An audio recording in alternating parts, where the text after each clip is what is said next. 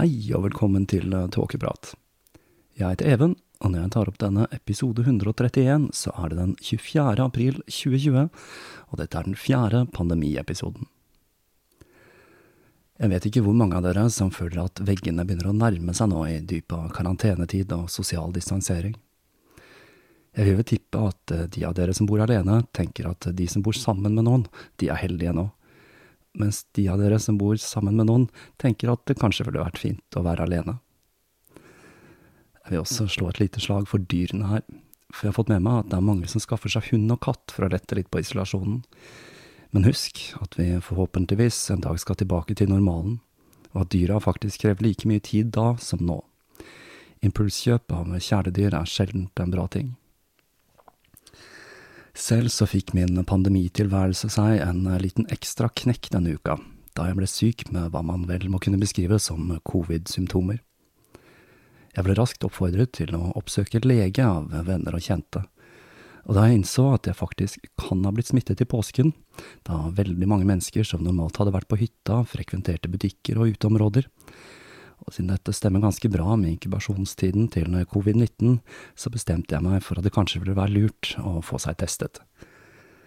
Så jeg som er notorisk vanskelig å få til lege, jeg ringte fastlegen for å høre om det var mulig å ta en test. Ikke så mye for min egen del, men jeg tenkte det ville være kjekt å vite om jeg er en bærer av sykdommen som har satt hele verden på vent, både med tanke på smittestatistikk og mine medmennesker. Men det var det ikke. Jeg tilhører ikke en prioritert gruppe. Og det er, i alle fall her jeg bor, begrenset med testmuligheter. Det jeg derimot fikk, det var et telefonnummer jeg kan ringe om jeg får problemer med å puste. Det var jo oppløftende.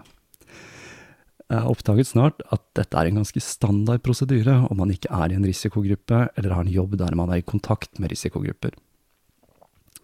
Jeg skjønner veldig godt at man prioriterer de som trenger det mest så det plager meg ikke. Det som derimot er litt urovekkende, er at eh, dersom testingen er så restriktiv at man ikke tester personer med symptomer, så må jo mørketallene være enorme. På den lyse siden så betyr jo det at prosenten av de som får alvorlige symptomer og som dør av sykdommen, er langt lavere enn hva det ser ut til i dag. Og dette betyr jo kanskje også at langt flere har utviklet antistoffer enn hva som tidligere er antatt. Viruset har jo hatt en tendens til å oppføre seg litt ulikt i forskjellige land, noe som blant annet skyldes uh, ulike kulturer. Vi nordmenn praktiserer jo litt uh, sosial distansering i hverdagen uansett. Og med fare for å si noe kontroversielt, så tror jeg den jevne nordmann lever en del sunnere enn, la oss si, den jevne amerikaner. Overvekt er jo en risikofaktor i dette. Men sett fra en annen side, så betyr jo dette at smittefaren er langt høyere enn det virker som og at vi kan få en andre bølge dersom vi slipper opp på de restriksjonene vi har i dag. Akkurat dette skjedde i San Francisco under spanskesyken. Byen var ekstremt proaktiv i å forhindre spredningen av sykdommen, med blant annet påbud om bruk av masker og stenging av byen. De fikk nasjonal skryt for lav smittespredning og lave dødstall. Da antall smittede begynte å avta i november 1918, så skjedde det jeg føler begynner å skje med oss nå. Folk ble lei, og restriksjonene ble lettet. Noe som førte til at byen, som hadde hatt så lave smitterater, endte opp med noen av de høyeste dødstallene totalt våren 1919. Det er nå iallfall noen tanker jeg har gjort meg, uten å ha noe mer belegg for det enn at jeg har hatt uforholdsmessig mye tid til å tenke på saken. Men ingen vet vel, egentlig. Jeg må jo si at jeg iallfall er blitt utrolig lei av denne tilværelsen, og lengter etter den dagen ting iallfall blir litt mer normalt. Høydepunktet mitt denne uka har for eksempel vært et nyhetsklipp fra Philadelphia i USA, der en jordrotte spiser pizza mens to hunder ser på. Makan til frekk rotte, sier nå jeg, og jeg vet at min gamle hund Balder hadde revet ned huset om han hadde sett en gnager som oppførte seg så frekt. Sånn går nå dagene, med små gleder og hjemlevering av mat. Mens jeg sitter her og blir mer og mer overbevist om at det faktisk er covid jeg har, så har jeg i det minste klart å sette sammen en ny episode, selv om det har tatt litt lengre tid, og episoden er noe kortere enn vanlig. Men til gjengjeld så føler jeg at dette er et gullkorn av en episode. Jeg moret meg i hvert fall veldig med å sette den sammen. Men sett fra en annen side så skal det ikke så altfor mye til for å glede meg i disse dager. Atter en gang skal vi se på en ekspedisjon, og atter en gang så går det fryktelig galt for alle de involverte. Jeg vet ikke helt hva det er som gjør at jeg er så fascinert over disse ekspedisjonene som går galt, eller hva som gjør at jeg ser på disse tragiske historiene som humorperler. Men her har dere iallfall en til, og jeg vil påstå at dette er en av de mer mislykkede ekspedisjonene jeg har hørt om. Og da gir jeg dere historien om Burke og Wills.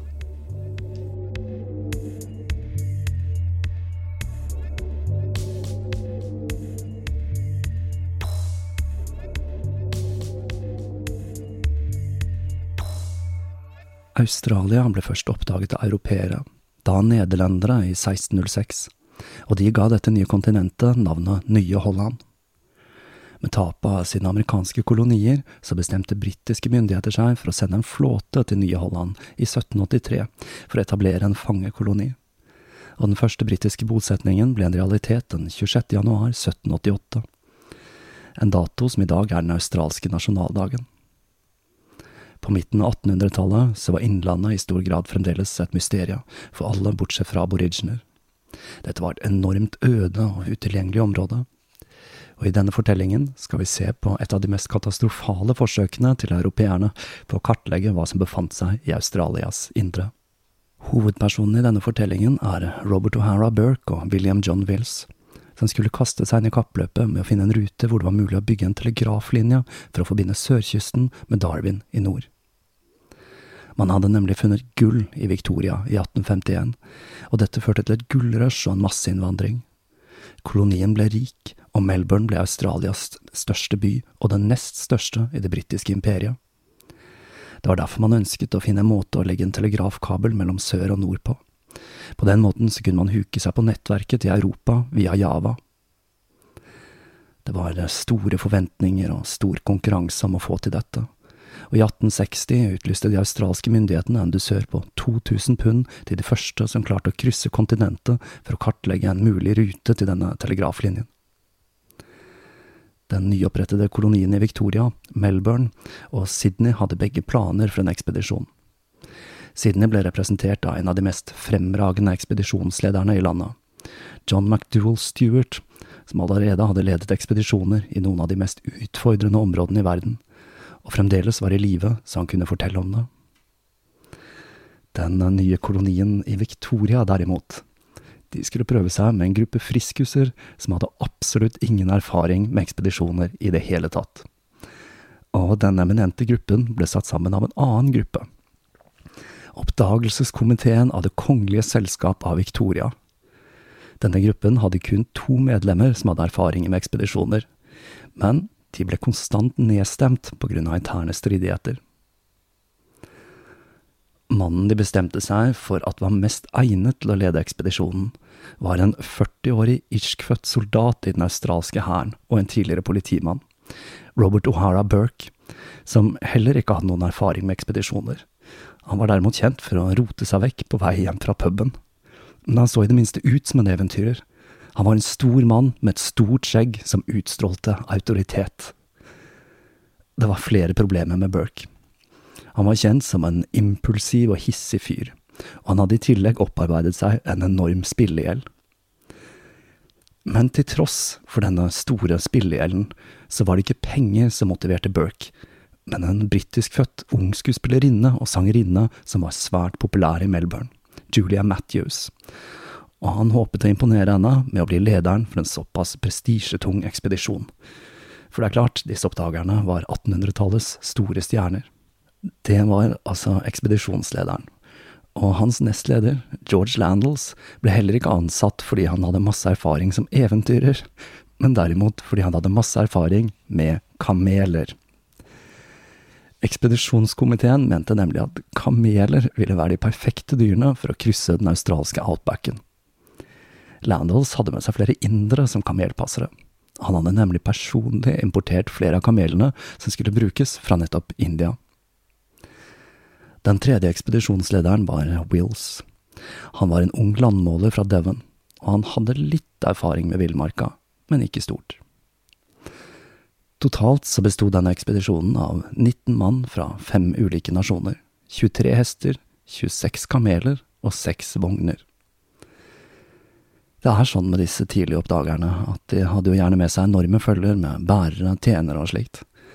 Vi kan jo minnes hvordan Crowley hadde med seg en enorm kiste med bøker på sitt forsøk på å bestige K2. Ekspedisjonen la i vei fra Melbourne Royal Park den 20. august 1860. Hele 15 000 mennesker og et korps hadde møtt opp for å se starten på ekspedisjonen. Burke hadde lovet å enten krysse kontinentet eller å dø i forsøket. Det er klart at dette må ha vært kjempeunderholdning i 1860. Og når jeg tenker meg om, så ville dette vært kjempeunderholdning i dag også. Det var litt av en ekspedisjon.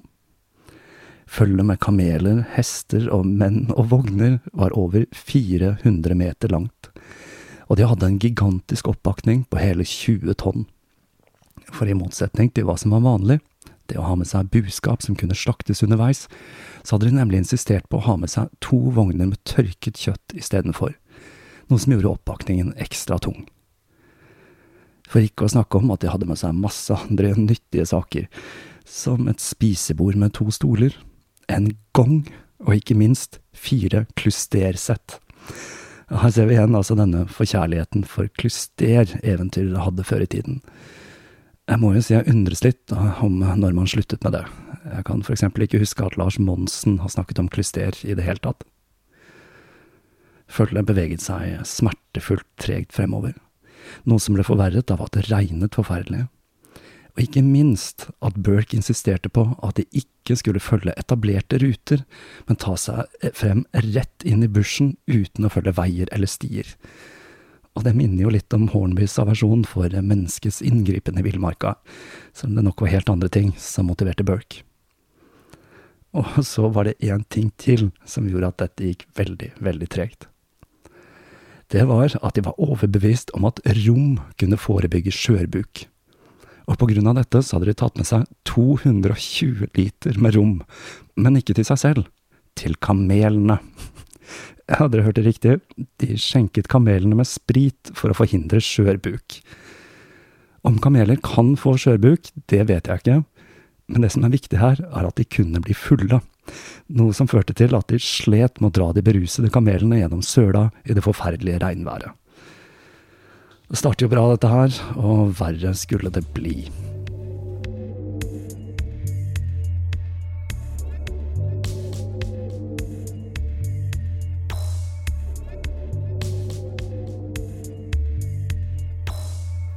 På slutten av den første dagen så bestemte Burke seg for at tiden var inne for å fri til Julia Matthews, så han sporet hesten og red tilbake til Melbourne.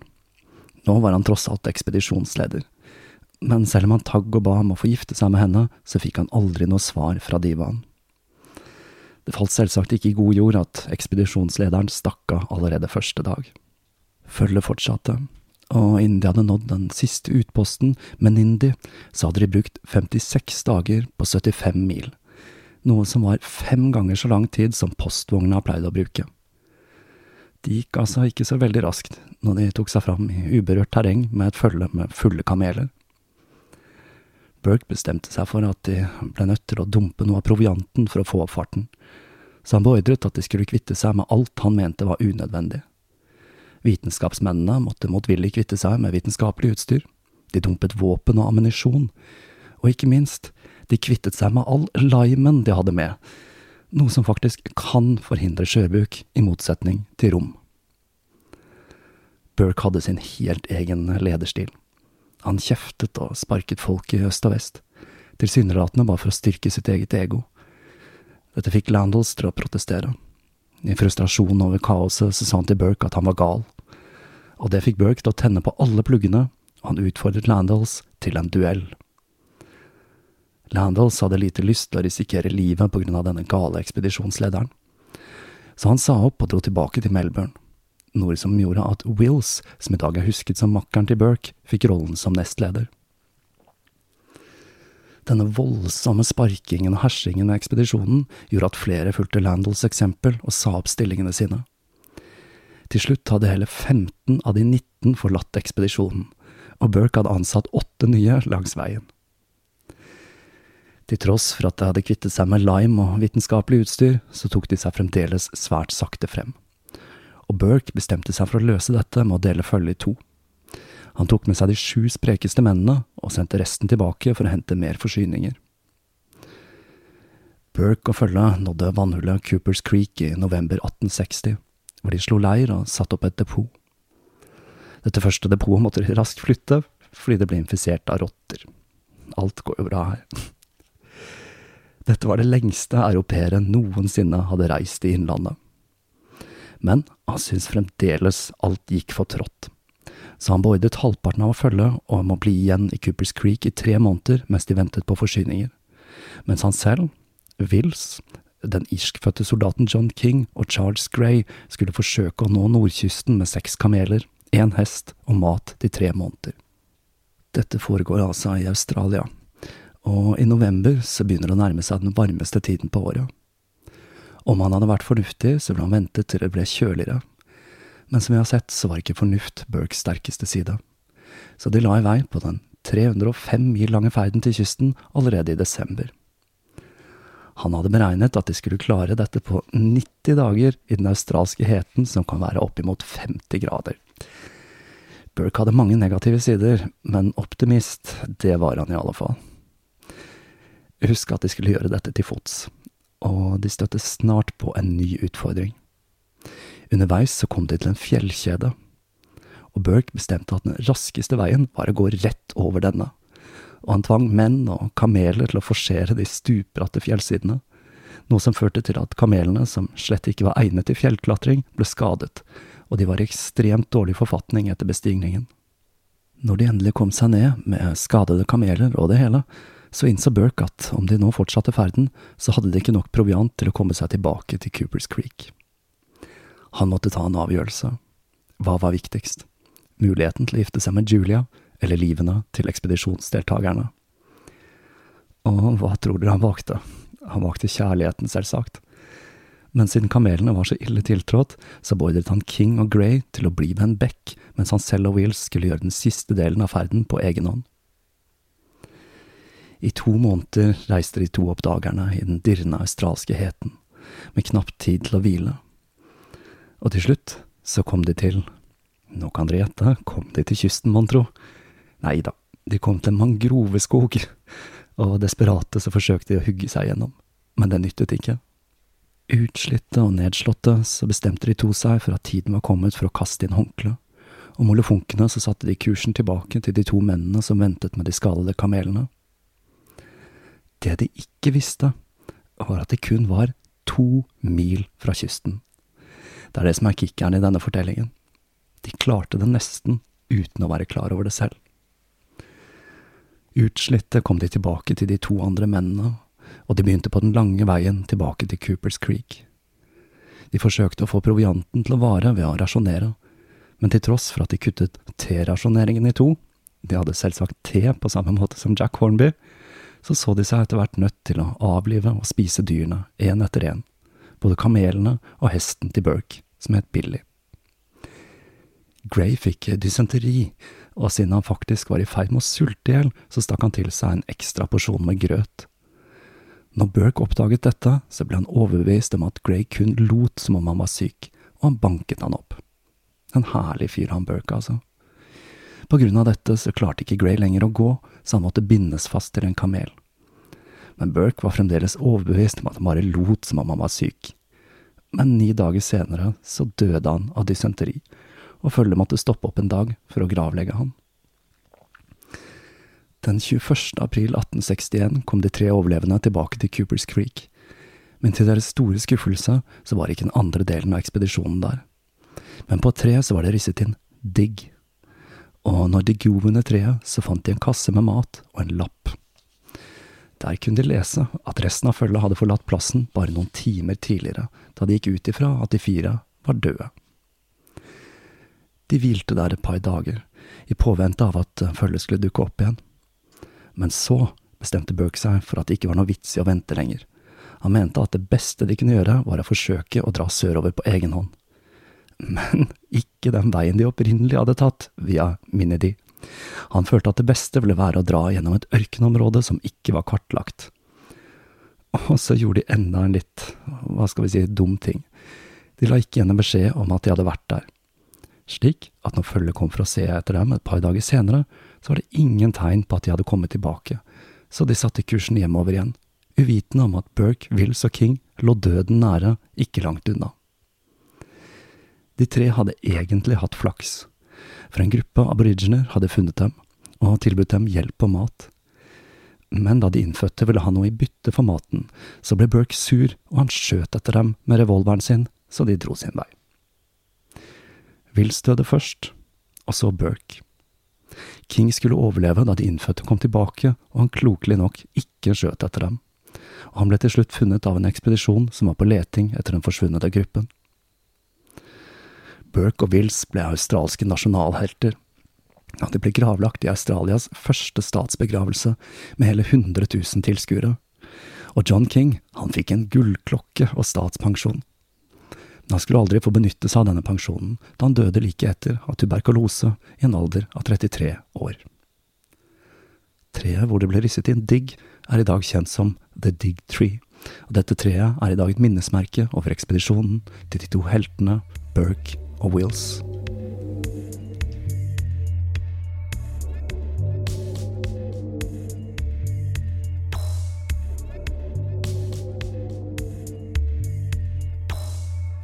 Og det var slutten på denne episoden. Det er jo ganske fascinerende at de klarte å sette sammen en gruppe som hadde så ekstremt lite erfaring med ekspedisjoner. Og ikke minst at de satt en så uegnet mann som Burke i ledelsen, tilsynelatende bare fordi han så ut som en oppdager. Det er i det hele tatt en egen schwung over disse tidlige ekspedisjonene.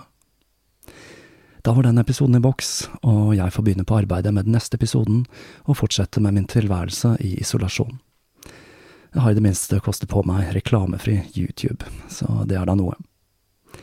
Jeg håper alle dere der hjemme holder motet oppe. Vi er i det minste heldige som bor i et land der det er mulig å ta seg ut i marka uten å støte på folk. Så da er det bare å takke for all støtte, til dere patrions, og til dere som er med på å spre ordet om denne podkasten. Det er sikkert mange som kan trenge litt tåkeprat i denne tiden. På gjenhør.